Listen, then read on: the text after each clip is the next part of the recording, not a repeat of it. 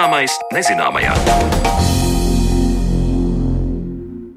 Esiet sveicināti redzījumā, zināmais nezināmajā ar jums kopā turpmāko stundu būšu es Sandra Kropa. No vienkārša tautas mūzikas instrumenta līdz dārgam un pasaules slavena meistara rokās tapušam mākslas darbam. Violas ceļš līdz mūsdienu orķestram ir bijis neapšaubāmi garš un arī ļoti slavens. Par šo mūzikas instrumentu, tā tapšanu un mītiem, kas to apvīja, runāsim jau pavisam drīz, kad pie mums studijā viesosies vioļmeistars Juris Jakobsons. Taču pirms tam aicinu iepazīt tautas mūzikas instrumentu tapšanu. Apses koklis, teļādas bungas un kazādas dūdas. Kā šos instrumentus darina, kā skan stabulas no ābeles un kā no kļavas, kas ir koklis spārns, par tautas mūzikas instrumentu tapšanu turpmākajās minūtēs stāstīs Zanlāce.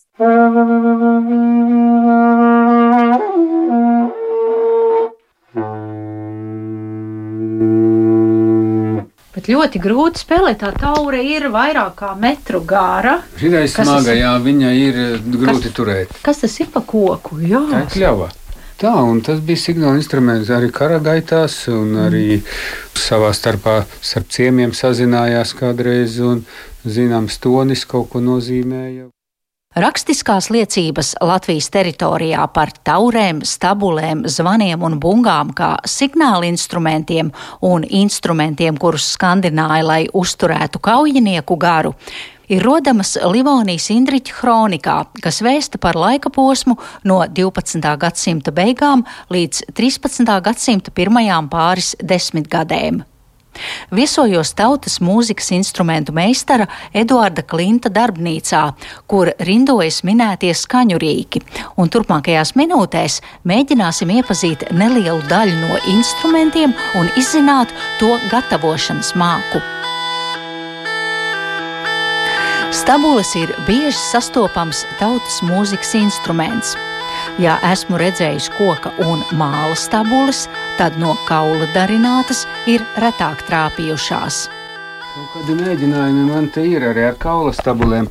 Kas tas ir par kaulu? Nu, tas ir stārķa kauls, tas ir kājas kauls. Vai mūsu senči tiešām no stārķa kauliem taisīja? Stārķa vai dzērves. Jā, ir minēti. Stārķa kauls ir garš un tievs, un viņš ir iekšā tukšs. Jā, tad jā. no viņa var arī veidot tādu garāku stabuli. Vai jūs varat pastāstīt par materiāliem? Kādus kokus izmantoja, kurš koks skanīgāks, kurš netik skanīgs? Nu, stabiliem izmanto cietos kokus lai um, viņai tā skaņa ir noturīgāka ilgāku laiku, jo cietais koks nu, nedeformējās. Kad cilvēks pūš iekšā savu dvašu, koks pakļauts mitrumam, un tāpēc arī mīkstais koks var deformēties ātrāk. Cietais koks turās ilgāk, bet eh, līdz ar to mēs tāpat viņu apstrādājam ar, ar dažādām eļļām, nu, lai viņš būtu noturīgāks. Agrāk arī apstrādāja ar eļļām. Muzejos es atradu, principā nebija apstrādātas. Nu, dažas bija, varbūt, bet ļoti reti. Vēlākā laikā bija stabules apstrādātas ar eļļām, pat lakotas bija, bet eh, dūdu stabules nebija apstrādātas. Viņas varētu būt nokrāsotas, drusku ietonētas. Kur ir tie cietie koki? Lapu koki praktiski. Kā ar kārkliem? Mēs bieži varam lasīt Jā, par kārkla stabulēm, bet kārklis nu, jau nav. Kārkla stabule, viņa nē, Vītu. tas ir mīksts koks. Tas ir uz zelta roku uztaisīta stabule, kurā skan, kamēr viņa lieto, viņa skan, bet tā kā viņa pastāv ilgāk, viņa izkaust. Ir no kārkla mizas taisīja, bet tā vēl mazāk dzīvo. Bet to var ātri uztaisīt pavasaros, kad vēl sula kokos tikai sāk veidoties, tad ir viegli noņemt mizu apaļu un izveidot stabuli. Un tad viņi var spēlēt, jā, bet eh, pa nakti viņu lika ūdenī, lai viņa nepārkalst, un, un tad lai var spēlēt no rīta. Nu jā, tā ir ābele arī, šitā ir kļava. Es gribētu dzirdēt, kā skan ābele, un pēc tam būs kā tā. Tur neko daudz jūs nu, nedzirdēšu. Tur atšķirība, jā, jā. nekāda liela.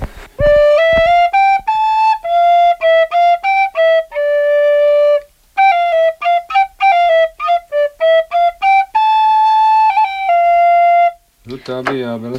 Tā bija ābele. Šitā ir kļava.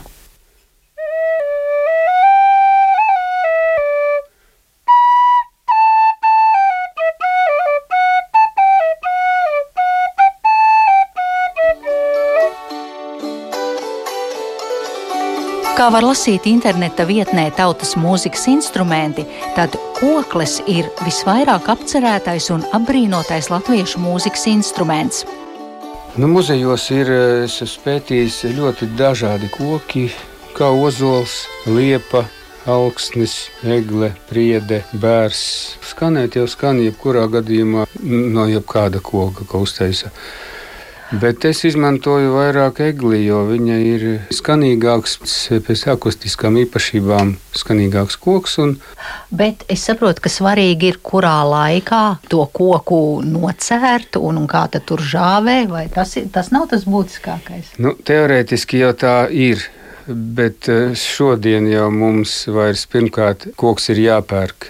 Jā, kad viņš ir zāģēts un kā viņš ir žāvēts, to neviens nezina vairs. Bet, ja mēs skatāmies, piemēram, nu, 19. gadsimta kokļu meistaru Latvijā, kad kādā laikā viņi tos kokus ņēma un ko viņi darīja. Vislabāk jau būtu ziemā zāģēt koku, tad, kad sulas necirkulē. Un tad arī viņš ātrāk izžūst, bet jebkurā gadījumā viņu vajag žāvēt, ja grib tādu riktīgu, stabilāku instrumentu, viņu vajag žāvēt vairākus gadus savā vietā nojumē bez caurvēja, tā lēnām, lēnām žāvējot, tad viņš izžūst bez plaisām. Tas ir tāds process, ja tā pareizi taisa kokli, tad tas ir garš process diezgan. Un, ja es pērku kaut kur veikalā, tad arī ir jāizmeklē no lielas kaudzes kaut kādi trīs, četri dēļi, tikai viena der. Tā kā tā. Kā tā. Nav tik vienkārši tā lieta arī. Jā. Un šī ir kokle, kurzemes kokle no apses koka. Bet viņa ļoti labi skan un eh, daudziem apse nepatīk. Nezinu, kāpēc. Es, eh, es domāju, izmēģināt. Mm, ļoti labi skan. Un, nu, vienīgais grūtāk apstrādāt, jo viņš, kad viņš izšūst, viņš ir ciets koks.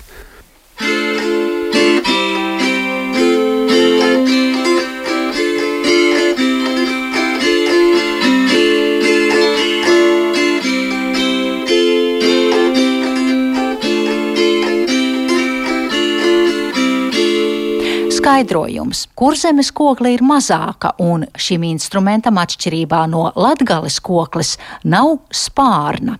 Proti, korpusa pagarinājuma, kas koklei piešķir papildu vibrāciju, un līdz ar to skanējumam ir plašāks diapazons. Ejam tālāk un nonākam pie sitamiem instrumentiem - bungām un baubena jeb rāmja bungām ar malā ievietotām metāla plāksnītēm.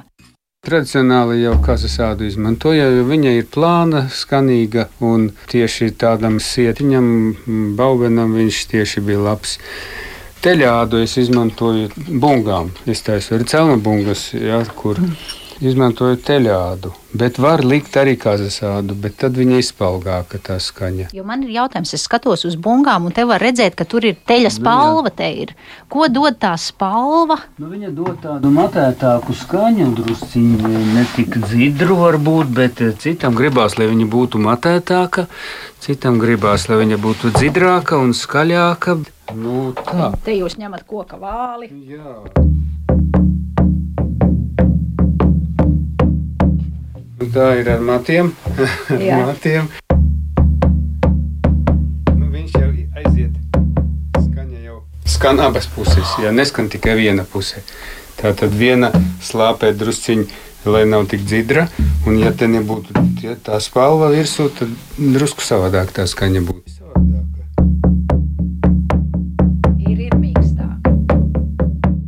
Kad es gāju uz kariņu, nocēt kuplu ozoliņu, no celmiņa bungas taisu, no zariem stabulīti. Tā vēsta Latviju dainas, bet, kā teica Eduards Klints, tad viņš nav atradis materiālus par šī instrumenta gatavošanas tehnoloģiju, un savulaik muzicējot folkloras kopā vilki, pats iemācījies gatavot celma bungas. Tās ir celma bungas, ir tas vesels koks izdobts, un tagad celms izdobts vidus, Tad es izdomāju to konstrukciju, kā nostiept. Kāpēc celma bungas? Jo dainās ir, ir minētas celma bungas. Bet kādas viņas to neviens nezināja, jo nekur nav saglabājies. Tāpēc bija, nu, bija jāizdomā. Un izdevās tiešām ļoti labi, jo nu, vīri bija apmierināti. Un tagad jau puslatvija gandrīz vai spēlē uz celmu bungas. Tādas bungas, jā. Nu. Skatot, kas teikts par nākamo skaņu rīku, vietnē tautas mūzikas instrumenti lasām. Somas, stabules, dūdas, dūkas, kulenes vai vienkārši stabules. Tā savulaik ir saukts viens no populārākajiem instrumentiem. Tās sastāv no melodijas stabules, viena vai divām burdonu stabulēm, jeb dūcenēm, un to visu iestiprina somā, kas ir gatavota no aitas, kazas, suņa vai pat kaķa ādas. Somu ņem padusē, piepūš un ar elkoņu uzspiedienu regulē gaisa padevi stabulēm. Tā ir vesela māksla panākt vienādu spiedienu, lai skanējums būtu vienmērīgs. Tās dūdas atšķirās gan ar skaņojumu, gan ar stabuļu daudzumu, gan ar spēlēšanas tehniku un ar piepūšanas principu. Vai ar muti, vai ar plēšām var piepūst. Un, ja ar plēšām tā var dziedāt līdzi, kas Latvijā nav praktizēts. Tad dūdu mājas arī taisīja no dzīvnieku ādas. Jā, protams. No dzīvnieka ādas, no vesela dzīvnieka noņem ādu, visu veselu, un aizsien galus ciet, un kur kājas ievieto stabules. Tad tur galvenais jau bija tās stabulas, vai tomēr tā jādai arī bija nozīme, cik tā bieza, plāna. Dūdās ir galvenais, ir labs maiss un laba mēlīte. Stabulēm. Tas ir galvenais, Aha. jā, un tad. Tas ir no tā ir kaza. Tā ir kazāda. Reku te kaza bija galva te un te bija divas kājas priekšējās. Te, bija, à, un te ir koka stabula, bet te vienā ir raks galā tai stabulei. Raks, lai viņš, tas ir rezonators, lai viņš mm. pastiprina skaņu. Cik Tad parasti koks, bija. No ir vien, pa vienu pūšu un pa diviem nāk ārā. Tā es... Kā kuru reizi, citreiz pa trijām nāk ārā, citreiz tikai pa vienu nāk ārā. Nu, latviešiem bija tradicionāli bija pa trijām. Viena mm. ir raksta stabule, tā, kur melodiju spēlē un e, viena vai divas ir burbuļsaktas tabulas. Nu, tas ir tāds fona skaņa, kura -hmm. Pavada melodiju. Livonijā e, bija e, ļoti izplatītas dūdas. Tas bija principā viens no galvenajiem instrumentiem pasākumos. Rituālos un tirgos spēlēja krogos, arī kāzās arī uz lauka kas strādāja cilvēki, lika dūdeniekam saimnieks spēlēt, lai labāk strādātu. Parasti bija divi, ja viens piekūst, tad otrs spēlē un nepārtraukti visu dienu skanēja dūdas, un e, strādnieki strādāja uz lauka. Jā. Vai bija svarīgi, vai tā kaza ir pieaudzis dzīvnieks, vai kazlēnāda labāk, vai tur nebija nozīme? Nu, ir svarīgs vecums, e, ir svarīgs izmērs, li lielāks vai mazāks, jo ja mazai nērti spēlēt, ja liela arī nērti spēlēt, tad vajadzīgs Vidējs. noteikts izmērs. Nu, tas ir kaut kādi seši mēneši, astoņi. Kā kura šķirne, jau kādām šķirnes arī dažādas ir.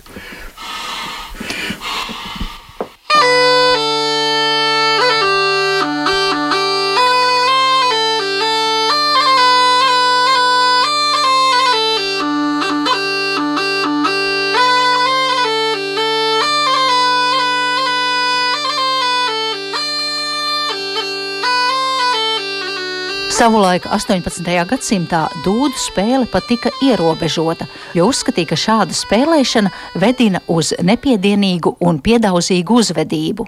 Kā teica mans sarunu biedrs Edvards Klints, tad iespējams krogos spēlējuši pārāk ierēbuši dūdinieki, un šāds šķīps skanējums smalkākām ausīm nav bijis paciešams.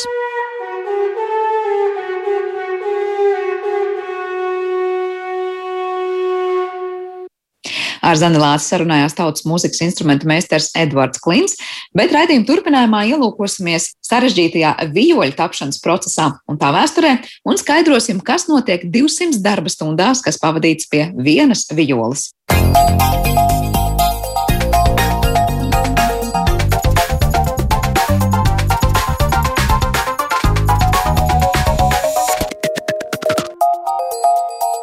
Zināmais nezināmajā. Mūziku nereti dēvē par augstāko no mākslām, tai piedēvē spēju dziedēt cilvēku prātus un dvēseli, taču kā top instrumenti, kas ļauj šīm mūzikas skaņām sasniegt mūsu ausis un sirdis, kādiem mītiem ir apvīti pasaules slavenākie stīgu instrumenti un kas notiek vijoļu meistaru darbnīcā, par to visu mēs runāsim atlikušajā raidījuma sadaļā, kad uz mūsu sarunu esam aicinājuši Latvijas vijoļu būs vecmeistaru un Latvijas amatnieku kameras meistaru Juri Jēkabsonu. Labdien! Labdien! Nu, kad runa ir par akadēmiskajiem mūzikas instrumentiem, tad šķiet, ka to būvēšana ir kaut kas nu, teju mītisks. Jā. Sakiet, kā tas ir? Klasisks piemērs tur nāk prātā, stādīja arī vijola. Tā varētu teikt, vai tur ir tādi nu, stingri nosacījumi, kārtīgi, kā saka, konkrēti, konkrētas lietas, kas jāizdara, un viss vienkārši notiek. Jā, no, tas ir tā. Latvijā tā ir ļoti reta parādība, bet pasaulē tā ir profesija. Un Vācijā vijoņu meistaru pārprodukcija nav ko darīt cilvēkiem. Un vēl ir tāda lieta, ka pasaulē aizgājusi uz prastumu pusi. Meistaru vijols vairs nav vajadzīgs. Vajadzīgs ir par rubulu lētas vijos, kuras var kamēr vajag, tikmēr paspēlēt un pēc tam mest ārā. Jā, par to, kā mainās šie instrumenti un ar ko atšķiras vijoles, kas varbūt ir tādas nu, pavisam vienkāršās un lētās, un tās, kas savukārt ir tiešām tāds nu, milzīgs roku darbs, parunāsim. Bet um, tajā brīdī, kad vijoļu meistars strādā, tā ir eh, tāda smalka māksla, vai tā ir nu, kaut kas, ja, ja, ja zina, ko, ko jādara, nu, tāda vienkārša galdniecība. Gan Jā, uh, var tā, var tā. Uh, teiksim, tā ir neapšaubāma smalka māksla, no kuras ir atkarīgas arī citas mākslas. Piemēram, violnieks bez violas neko nevar. Komponists arī nekomponētu violi, ja violas nebūtu. Un tā tālāk. Bet uh, var jau pieiet tīri amatnieciski, kā to dara Ķīna kur cilvēki, kuri pat nesaprot, ko viņi dara. Viņi taisa tās detaļas, un viens tur liek kopā, un, un trešais apstāsta, ah, šķība greizi nav, viss kārtībā var spēlēt. Un maziem bērniņiem var būt, ja tur, teiksim, ja nav šķības greizes, un ja iedod tādam meistaram, kā man vēl saistīta kārtībā, te jau kaut kā spēlēt var kādus pirmos gadus. Bet nelaime tā, ka maitājās jau uztvere, maitājās attieksme, maitājās uh, skaņas skaņas uztvere. Nu, cilvēkam sāk patikt tā skaņa. Tā. Nepareizā, ja kāda. Un tad pēc tam jau to izpravīt ir grūti. Jā, kā veidojas vijos skaņa, ar to daļu jums jautāšu, bet cik ir jūsu kontā uzbūvēts vijos? Uzbūvētu nav daudz, uzbūvēts ir 23 vijos, jo es aizbraucu uz Vāciju mācīties vijoļu restaurācijas, ka tajos laikos Latvijā bija ārkārtīgi zemā līmenī. Pat to nevar par restaurāciju saukt, tā bija kleķerēšana. Un es aizbraucu mācīties tieši restaurāciju, jo saglabāt vecās vijos ir faktiski e, gan interesantāk, gan vajadzīgāk nekā būvēt jaunas. Jo es jau teicu, ka būvē visa pasaule būvē, un to man ir vairāk meistari teikuši, kāpēc darīt to, ko var visi, ja var darīt to, ko nevar neviens. Un tā ir restaurācija. Un tā ir restaurācija.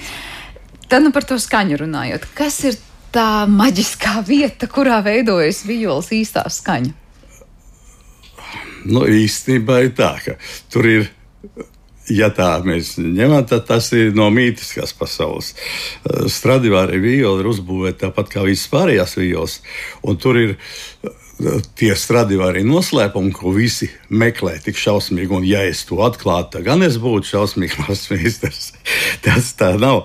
Tajos laikos sunfets iekšpusē nemaz noslēpumu nebija, un stradivāriem bija divi dēli. Eh, kas arī bija vijoļmeistars, un vijola nav, no viņu vijoliem nav tāda kā Stradivāri vijola. Tas ir tas pats, kas visiem pāriem mākslām uh, ir uh, talants talants. Visi baletdejotāji mācās vienā skolā, visi muzeķi mācās mūzikas akadēmijās, bet viens ir, otrs nav. Un tur ir tas talants. Just koku, just kā ir jābūvē tā viola.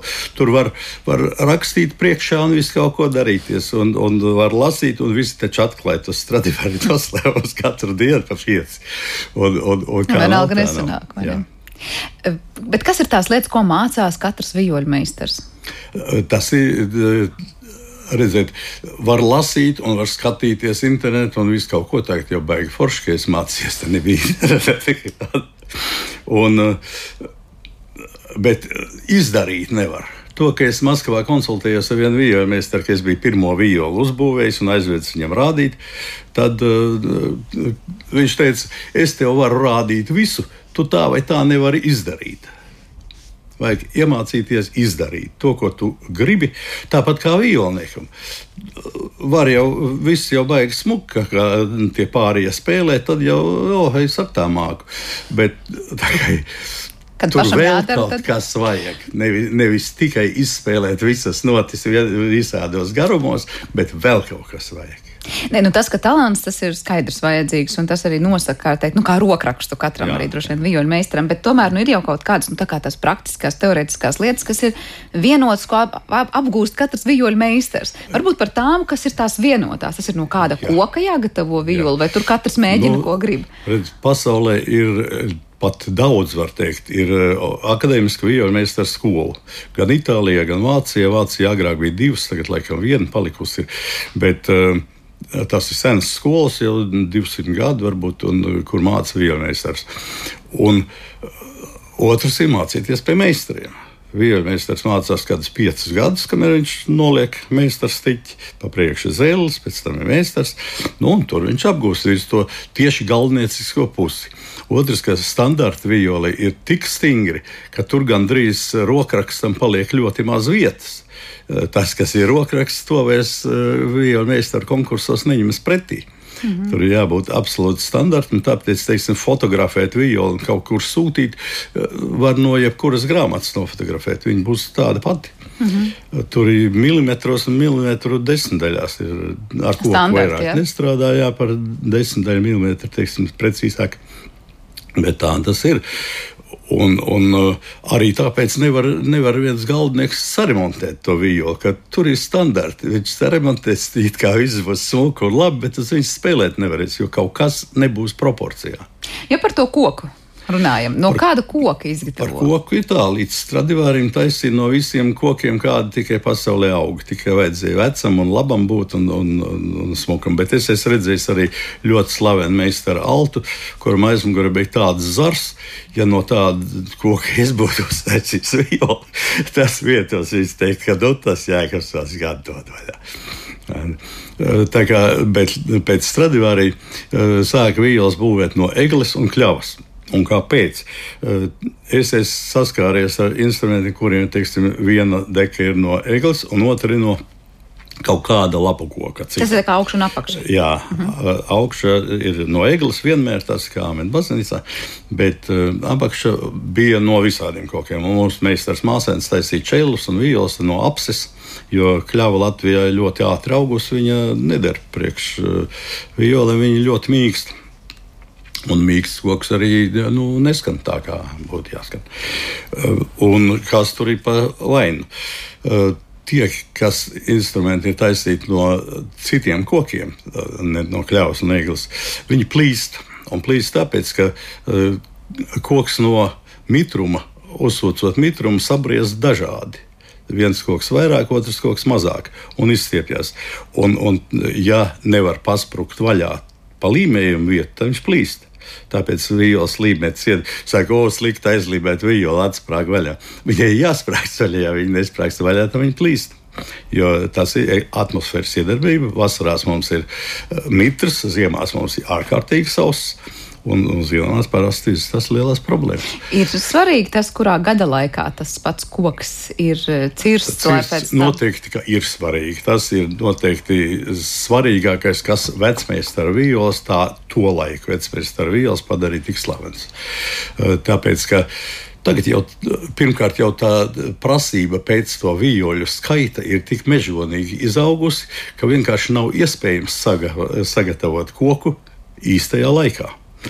Un tāpēc mēs taisām gan logus, gan durvis, gan vīles. Mm. Jebkurā laikā cirsta koka un mākslīgi žāvēt. Bet pareizāk būtu kurā gadā? Pareizāk būtu tā, ka jācer būtu ziemā, un jā, kā tur bija senos laikos, ka egali jācer jaunā mēnesī un, un lapu koks vecā mēnesī. Un, uh, tas būtu pareizākais variants. Bijis.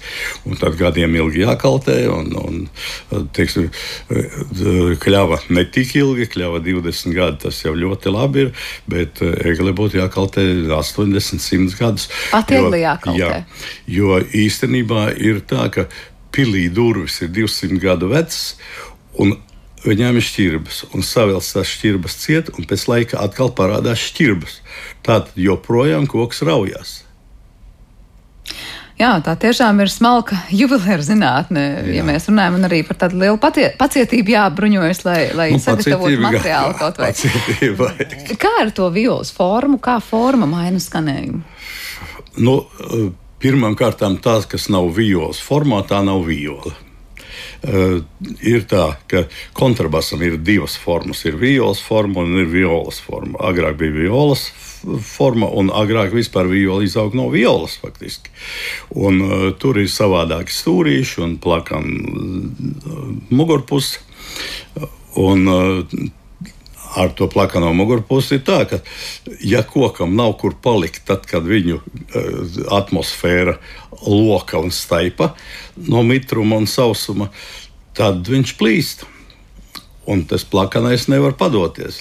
Tāpēc ir tās vēlmes, kas ļauj izstiepties un sarauties un nesaplīst. Tā tas ir. Un uh, par formām ir tā, ka uh, Nu, viola ir ļoti sens instruments. Viola faktiski sākumi ir uh, 1500 pusi. Ap 1550. gadu viols jau ir šajā izskatā, tikai viņš ir robustāks, stipri. Ja pieliks, teiksim, Andrejā Mati violi pie mūsdienu violas klāt, nu, būs tāds pašdarbniecisks skats diezgan. Bet no Stradivārija laika faktiski violas viss ir vienāds. Stradivārijas Gvarneris tas ir divi korifeju vēl varētu Steiners, Jāgaps, kam ir atkal sava forma. Nu, tad pēc tiem trīs taisa visa pasaule, un mēs varam sevi uzskatīt par Stradivārijas skolniekiem visi. Bet tas ir tāpēc, ka tāda forma rada tādu skaņu, vai tas ir pieņemts standarts? Vizuāls?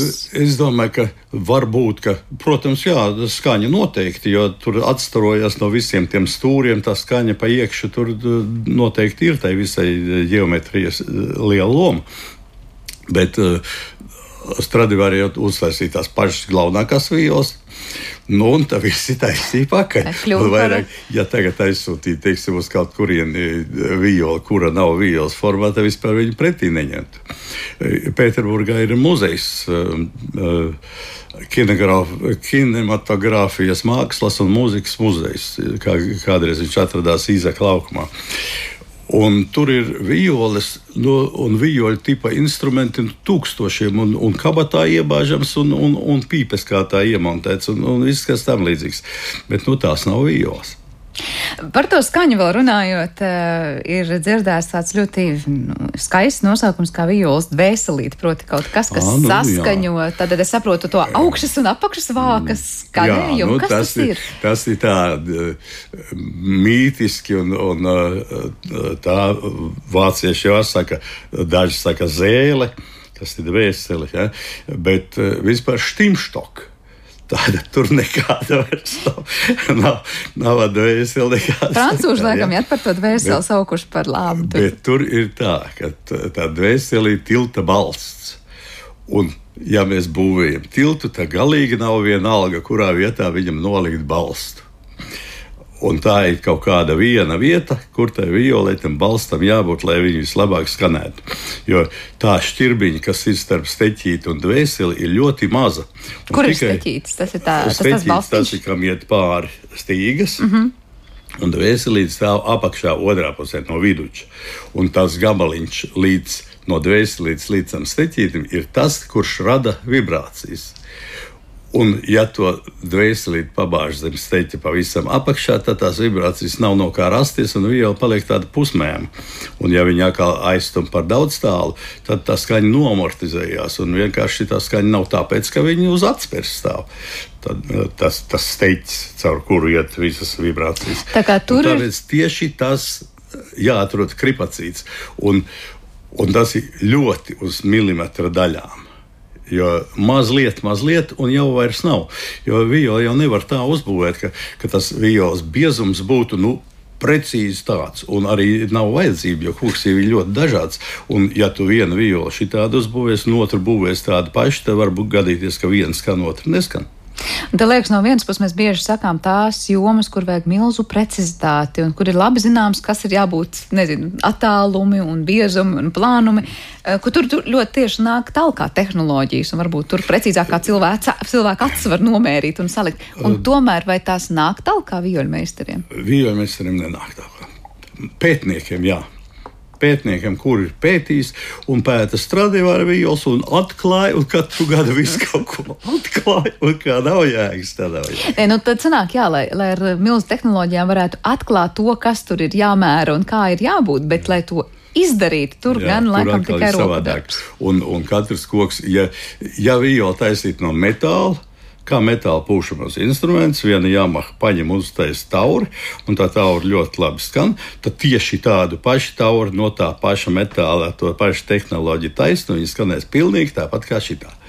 Bet uh, nav divu vienādu koku. Tāpēc uh, viola, ka taisa, tad uh, viena eglis koka bluķi saskalda sektoros, un violas dekai ir derīgi tikai blakus stāvošie sektori. Tas ir tik svarīgi. Jo cits koks savādāk rausies, viņam ir cits blīvums, un arī tam pašam kokam ziemeļpuse, dienvidpuse, viņas pavisam dažādas būs, un pat blakus esošās būs savādākas. Jā, tiešām katrai violai ir savs pirksta nospiedums, vārdu tiešā nozīmē. Vēl par stīgām un lociņu gribēju pajautāt, kas ir tas materiāls, kā stīgas veido vai mainās? Kā, no kā stīgas veido? ir ļoti sarežģīta lieta. Domāt, uzstiep kaut kādu tur zarnu virsmu vai, vai, vai drāti tagad, ja, un skatēs, nekā nebija. Un, pasaulē taisa, un visi sacenšas, un visi tur baigos noslēpumus, ka nu tikai tagad es uztaisīšu stīgas, un kā nav tā nav. Tur ir tā, ka daž, dažādas stīgas ir arī dažādi tehnoloģiski taisītas, un pirmā stīga ir vislētākā, un ceturtā stīga ir visdārgākā, jo tur ir gan vairāk materiāla, stipri vairāk, ja mēs rēķinām, ka vispār kaut kāda simtdaļa vai desmitdaļa grāma ir, ir kaut kas, tad, ja taisa miljonu, tad tas ir kaut kas. Un, uh, Pirmā stīga ir pavisam plika drātiņa, vai aptīta ar otru cita metāla drātiņu, lai nerūsē, lai, lai ne, nemaitājās. Uh, otrā stīga tur jau ir jau sarežģītāk. Tur parasti ir arī varbūt jau sintētika vai, vai zarna. Un, un tad ir aptīta ar, ar alumīniju vai ar chromu, atkarībā no kāda metāla. Un, un tad trešais stīgai tur jau nāk apkārt kaut kāds zīda diedziņš, varbūt ap to zarnu un, un, vai sintētiku, un, un, un tad sudraba drātiņu vai kāda cita metāla, un solstīgā vai wolfrāma drātiņu vai sudraba kaut kādas tādas ļoti dārgas par drātīs. Tas ir ļoti stingri. Jā. Tad sanāk, katrā stīgā ir vesela ķīmiska kompozīcija. Jā, jā, jā. Un katrai stīgai atšķirīga. Jā, katrai stīgai atšķirīga. Un tāpēc viņam arī cena ir ļoti dažāda. Bet tad, kad vijoļu meistars uh, gatavo violi, tās stīgas, nu, tās ir kā teikt, nu, katalogs, no kur tikai ņem gatavu, vai tu Jā, arī gatavs. izvēlies? Tagad gatavs, Stradivārija laikos droši. Bet es domāju, ka nē, toreiz bija cunfts un toreiz bija dalījums visam. Ka, taču ka, kažoka meistars drīkstēja kažoku šūt, bet nedrīkstēja pogu piešūt. Tāpēc, ka tur bija pogu meistars. Tā kā, tā kā, tajos laikos droši vien arī tas stīgs. Un, un tāpat par tām lakām es neticu, ka Stradivāris pats lakas vārīja. Toreiz visiem bija foršas lakas, un, un toreiz bija alķīmiķi. Un tie tur vārīja un taisīja un brūvēja. Tā kā bija komandas darbs, lai gan jā, varbūt parakstījās jā, viens jā, vienīgais. Jā. Nu, beigās jau tagad jau arī fabrikā, teiksim, nu, kas ir fabrika? Ķīniešu fabrika ir 2000 cilvēku, vācu fabrika ir 2-3 cilvēki. Kur viens taisa kaklu, otrs taisa korpusu, trešais varbūt lako, un, un tas, kuram pieder uzņēmums, tas, tas parakstās saka, pārbauda visu un saliek visu kopā. Jā. Par to lociņu runājot, arī tā ir tiesa, ka izmanto zirga sarus vai tas jā, un joprojām? Tikai, un tikai ir iz, izprovēti visi sintētiskie materiāli, un es esmu divreiz mūžā saticies ar sintētiskiem astriem, nekas tur nesanāk. Kas ir tas īpašais zirga saros? Uh, Ko nevar aizvietot? No jebkuram matam, tur ir, tur ir tās villiņas. Mats jau nav gluds, mats ir, mats ir tāds kā eglītes zariņš. Faktiski, ja skatītos milzīgā palielinājumā, tā kā eglis zars būtu ar, ar vilniņām. Un tās vilniņas skatās visas uz vienu pusi, un, un, un matam arī viens gals ir aizsnāks, otrs gals ir tievāks. Un, un, atsakot, Kāpēc tik bieži maina tos astrus? Tāpēc, ka uh, nodilst tās vilniņas, un viņš vairāk uh, neņem spīgu. Un sintētisks materiāls šobrīd nav tāds, kas spētu to aizstāvēt. Nē, es nevienā katalogā vairs saticis. Tas bija, ka es sāku tikko, tad es divus dažādu veidu. Pie tam ļoti interesanti, es nevaru iedomāties, kā viņas varēja ielikt, jo viņi nestiepjas ūdenī un, un neraujās ugunī tie sintētiskie viņi vienkārši deg, un no vieniem pāra nepalika nekas vispār. Neviens pelns, viņš pārvērtās gāzē. Un, un otrs gruzdēdams tā kā, kā sintētiski kūst, izkusa. Es te iedomājos, mēs runājam par to, kā nu, tiešām visas šīs prātam neaptveramās detaļas maina to instrumentu skanējumu, bet kā ar to pašu spēlētāju? Vai tā ir tiesa, ka atliek būt varbūt pārāk smagai violai? Vai, vai es nezinu, ir grūtāk to turēt un veidojas pilnīgi tiešām muskultūras un pat caiša traumas? Tas ir galīgi atkarīgs no spēlētāja un no tā, kā viņš ir iemācīts turēt to violi. Var sa samaitāt muguru pirmā gada laikā, varbūt ar, ar labu instrumentu. Jā. jā, un es domāju, ne tikai ar violi, ar, ar jebkuru instrumentu veselību samaitāt. Un, uh, Tas ir kāds ir pedagogs bijis, kāds, kā ir nostādīts rokas, kā ir augums uzturēts. Un, un, un tas, viss, un tas tagad iet mazumā. It kā cilvēks kļūst ar vien gudrāk, bet viņi visu to, kas ir, kas ir bijis no laika gala, to visu viņi cenšas aizmirst. Un, un tagad ir skolotāji, kas nāk no mūzikas akadēmijas ārā, vispār nezina, kādai violai jāizskatās, lai viņas varētu spēlēt. Viņi var mierīgi aplikt otrādi steķīti, un, un, un tas nekas, ka stīga augstums būs otrādāks. Pūlēties, spēlēt, un kaut kas nesanāk, nu, tad jāiet pie meistara. Kā, neko viņiem nestāst. Mans skolotājs mani aizveda pie izlietnes un nomazgāja man rokas, jo es viņam prātām nemācīju nomazgāt. No tā sākas tā vīls padarīšana. Bet violas svars, cik vispār nu, tur ir pieļaujamā o, kaut kāda vispār novirzi no kaut kā? Es absolūti nezinu, cik violas sver, jo tas ir arī no daudz kā atkarīgs. Tā jaunu grif, grifs ir ļoti smags. Viņš ir no mankoka, mankoks faktiski ūdeni grimstus koks ir. Un tapiņas arī. Un, uh, līdz ar to, jo biezāks tas grīvs būs, jo, jo smagāk viola. Nu, dabīgi redz, ar kokiem arī nu, viena būs no bie, biezāka taisīta, otra plānāka, bet varbūt tas no kā biezāk taisīta viņa no mīkstā koka ir atkal vieglāk būs. Tā kā es absolūti nezinu, lociņam ir, jā, lociņam ir svars 65 gramu violas lociņam, un tur 2 grami uz tur vai šur bet uh, violai pašai faktiski svaru nemēra. Un kāpēc violas lociņam ir tik precīzi zināms svars un tik ļoti nu, pieļaujamais divu gramu robežas? Nu, redz, viņam ir jālec un viņam ir visādi štrihi tur pa, pa gaisu jāiet un atkal pie stīgas jāturās. Nevar viņš ļekarēties. Pa viegli, ja tad būtu. Stīgas, jā. jā. Un, un arī ir kas meklē tos smagos. Un tie divi grami liekas, kas ir divi grami. Uzvelc otru gredzenu un būs tie divi grami. Bet, bet nekā, tā lociņa tai restajā galā jau ir gandrīz vienalga, cik tur ir to gramu, bet, bet ir tievajā galā ir tas tas kunsts. Jā, virkni lieta, par kurām es domāju, arī daļa mūsu klausītāji nav pat aizdomājušies. Skatoties uz to, ka kāds cilvēks spēlē violi un tā skaisti skan. Mēs sarunas sākumā teicām, nu jā, tās varbūt lētās violas, vienkāršās, nu varbūt kamēr cilvēks tikai mācās, mm. protams, nu tur droši vien nebūs tā visdārgākā viola. Mm. Kas būs tās galvenās lietas, kas atšķirsies? Oi, nu, ja tā viola, teiksim, būs, nu, pirmām kārtām jau uz lētas violas būs lētas stīgas. Tas ir kā āmeņa baznīca. Nomainīs stīgas, tā viola sāks pa kādu kripatu labāk skanēt. Otrs, viņai būs pumpains uh, grifs. Ar, ar visādām bedrītēm. Ar grifam jābūt tādam mazliet, mazliet ieliektam uz augšu, tā mazliet, lai tā stīga iet uzreiz projām no grifa. Eh, Sādāk viņa pieskaņas veido. Eh, tad, lai varētu nospiest eh, gan lejas galā, gan augstas galā stīgu augstums, gan pie segliņiem, gan, gan uz grifa gala, lai būtu cilvēcīgs kaut kāds, lai pirksti nelūst nost un lai nagi neliecās apkārt pirksta. Tā kā kādreiz ir redzams. Tā kā, Tā viņš ir. Nu, un, ja tas viss ir, ah, nu vēl plakanums, grifs ir jābūt, viņam ir noteikts izliekums, arī šķērs izliekums. Ja tas izliekums nav, tad iznāk, ka vidējās stīgas ir savādāk augstumā nekā malējās. Un, un, un visa kompozīcija atkal, noiet greizi. Jā, un tad nevar novilkt pa vienu stīgu. Tad, tad vēl kas pa trijām vai pa, pa malējām var pa vienu, un pa vidējām tikai pa trijām var noiet.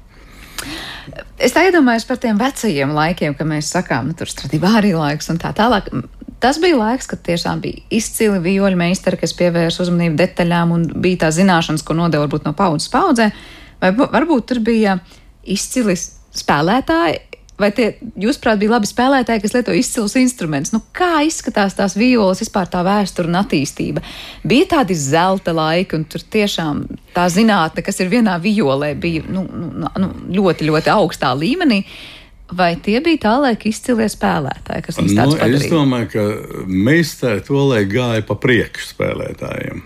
Ka spēlētāji sākās no Tartīnī laika, tad sākās jau stingri labi, un, un tālāk, jā, nu, Paganīnī, teiksim, nu, un tagad dārziņa skola spēlē visas Paganīnī darbus. Tā kā progress ir milzīgs tieši spēlēšanas jomā, vijoļu būves jomā. Es domāju, ka nav varbūt. Bet to arī tā nevar teikt. Mūsdienu vijoļu meistars taisa ļoti labas violas, kuras, ja saliktu kopā aiz šķirmja, tad varbūt ka vinnētu Stradivārī. Bet redzes ar Stradivārī tāpat kā mūsu gleznotais var uzgleznot jebkuru smuku bildi. Bet Ticiāns vai, vai Rafaels, ja, no, tas ir tas, un tas Stradivāris ir tas Rafaels. Tā kā vijoļu meistara pasaulē tas ir Rafaels. Jā, Jā. Cik ilgi top viena viola, cik ilgā laikā vispār? Jūs stāstījāt par lietām, kas liekas, jā. nu, tur, laikam, es nezinu, cik gadiem jāpaiet. Pēc normatīviem, ja būvē tā kā uh, gandrīz rūpnieciski, tad viola ir 200 stundas, 200 darba stundas. Bet, ja skatās, kā tas koks jāsagatavo, tad tur no, var aiziet pat daudz gadu. Un lakošana. 200 darba stundās var violu uztaisīt, ja tā strādā pie vienas violas, ko nekad neviens nedara. Ehm, tad eh, pa 200 stundām ar to jau uztaisīt baltu. Bet tā lakošana var aizņemt arī gadu. Skatoties, kādu laku lako. Ja lako ar eļļas laku, tad katra kārta jākalpo ar vienu ar vienu uh, ilgāk, katra nākamā kārta jākaltē. Un uh, saules gaismā, saules gaisma karsē viola nedrīkst tādēt kaut kādu mākslīgo ultravioletu, kas, kas palīdz Nu, un, un tad pa gadu var dabūt to laku kārtībā. Ja ar spirta laku, tad atkal vairākas reizes jālako ir nekā reļas laka. Bet tās lakas nozīme instrumenta tālākā kalpošanas un nu, skanēšanas ceļā ir. Tur ir tā. Saka jau, ka ūdeni, nu, kur es tādu laku ņemšu. Uz savas vijos lietas, kādu laku gribi. Kāda viņa būs piedzimusi, tāda viņa arī būs. Es uzskatu, ka ar laku var samaitāt violi, bet uzlabot laku nevar violi. Kā var samaitāt? Uh, nu, uzliek kaut kādu ķepsi virsū, starp citu, latviešu vecmeistaru pirms manis to vecmeistaru violas, vajag apskatīties, kādas viņas izskatās ar vilnu apaugušas, ar, ar, ar sabraukušu laku, jo bija Krieva laika, bija dzelzceļa priekškars, nekādas vielas dabūt nevarēja, nekādas grāmatas dabūt nevarēja. Un katrs uz savas gultas malas ar muguru viens pret otru pagriezušies, lai nenošpiko, taisīja lakas, un kas nu iznāca to smērēja virsū. Un, un cits atkal ir nodzīts vienai vācu fabrikai. Tas nav uz meistariem, tas uz pašdarbniekiem vairāk. Ka, oi, viņiem bija slikta laka, tai vācu fabrikai es nokasīju nost, uzliku pavisam cita skaņa. No, tā nevajadz būt. Tad laka skaņu nemainīs. Laka skaņu mainīs uz, uz slikto pusi droši vien, ja tāds pašdarbnieks liks. Mm -hmm. Un e, vēl saka, jā, tur spirtolā, kas ļoti cietas ir. E, baznīcas zvans ir no metāla, viņš skan, bet autoriepa ir no gumijas un neskan. Tad kur tad? Vai ciet vai mīkst? Vai vijoļu meistars var arī līdzvērtīgi gatavot nezinu, altus un čellus, vai tur ir katram sava zinātne? Īstenībā var Bet uh, būtu labāk, ja viņš to nedarītu. Ja viņš turētos pie viena instrumenta. Jo katram ir sava specifika. Un, teiksim, kāpēc es visu laiku apbrīnoju nevis itāļu, nevis franču meistaru, bet visu laiku vācu meistaru. Un es esmu pie vācu meistariem mācījies, un es esmu to visu ķēdi redzējis, kā tas notiek. Un arī fabrikās. Es esmu bijis uh, vācu faktiski Ernsta Henricha Rota fabrika, kur ir sestā paudze jau. Uh, tad uh, tur strādāja tajos laikos 23 cilvēki. Tas nav daudz. Un, un ražoja 900 vijos gadā. Uh, Katrs no tiem meistariem būtu varējis uzražot teiksim, 10 vīļus gadā, 12 varbūt. Tā kā ir milzīga starpība. Un otrs, ka cilvēks, kurš taisa tikai vījoļu kaklus, tad viņš ar aiztaisītām acīm var to kaklu uztaisīt. A man uztaisīt vījoles kaklu, tas ir daudz grūtāk nekā pašu vījoli. Jo tas vairs nav vījoļu meistara darbs, tas ir telnieka darbs. Un es neesmu telnieks. Bet vienas vījoles gatavošanas procesā tomēr nu, jūs nu, darāt gan, gan. Tur, jā, tur jātais viss. Un, eh, tā man viens uh, latviešu vīļu meistars, pie kā reiz bija mācījies pašā sākumā, teica, ka viņš vīļu sāk no kakla taisīt, tāpēc, ka tas ir viss nepatīkamākais darbs no visas vīļas, un tā arī ir. Visgrūtākais un piņķerīgākais. Jā, ja. jā. Noslēdzot mūsu sarunu par to, varbūt, kas kaitē pašam mūzikas instrumentam, nu, nepareizas lietošanas vai uzturēšanas, es domāju par vidas apstākļiem. Violas gadījumā tas būs tātad, nu, vislabāko violu var sabojāt. Jā. Kādos apstākļos? Vislabāko violu var sabojāt meistars. Tā ir teicis Krievijas meistars Padgornis, ka violas mirst no meistariem. Kāpēc? Jo katrs iedomājās, ka viņš ir meistars un ka viņš izdarīs labāk nekā jebkurš cits to var izdarīt. Un, ja pašdarbnieks ķerās klāt pie violas remontēšanas, tad viola ir beigta. Tā viņš ir. Bet paši apstākļi kādos, nezinu, tur gaisa mitrums un karstums. Un... Mēs nevaram, diemžēl, not, nodrošināt. Tā kā bija vecās mājas, vecie laiki, kad bija malkas krāsnes un, un uh, garās pažobēles mājām, kur vasarā nepiekarsēja telpas, un, un koka mājas, kas uh, mitrumu uzsūc no lietus un pēc tam atdod. Tad bija cita lieta. Tagad mēs nevaram nodrošināt ar visiem saviem baigiem aparātiem.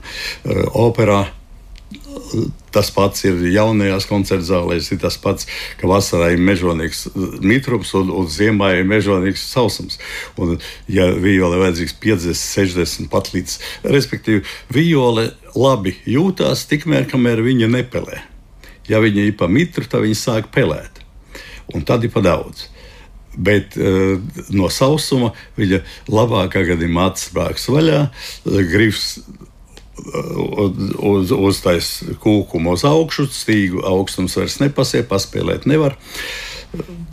Tapiņas no sausuma izkalst, tās lec vaļā, viņas stum iekšā, viņas uz kolonus ir, pēc tam uznāk rudens ar lietu.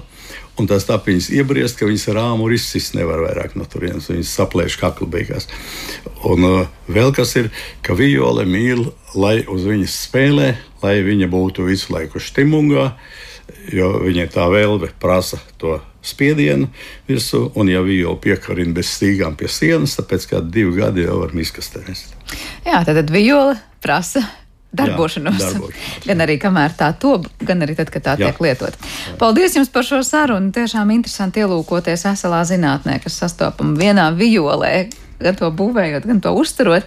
Eh, dzirdējām šajā raidījuma pusstundā Juriju Jakobsonu, Latvijas vijoļu būvs vecmeistaru un Latvijas amatnieku kameras meistaru.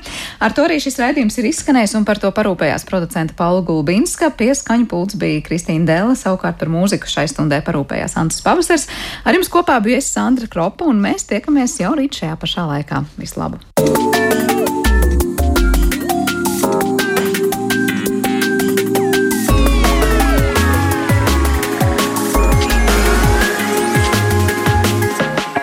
Zināmais nezināmajā.